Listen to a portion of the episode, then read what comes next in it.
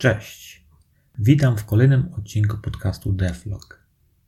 Ze względu na to, że zmieniłem koncepcję gry, postanowiłem również zmienić silnik gry z libgdx na Unity. Unity wydaje mi się bardziej dojrzały. Można nim szybciej tworzyć gry. Wiele rzeczy ma już zaimplementowanych, wystarczy ich użyć.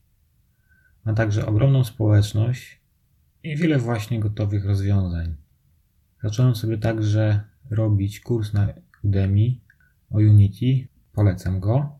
Dam tytuł w opisie.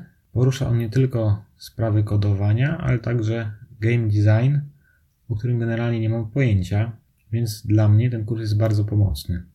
Od razu skonfigurowałem sobie środowisko. Nie było to trudne nawet na Ubuntu. Używam kombinacji Unity i MonoDevelop. MonoDevelop jest mi potrzebny do pisania skryptów, ponieważ w Unity nie, nie robi się tego. Zrobiłem pierwszy projekt, no w sumie kilka projektów, ale ten docelowy już, na którym będę tworzył grę.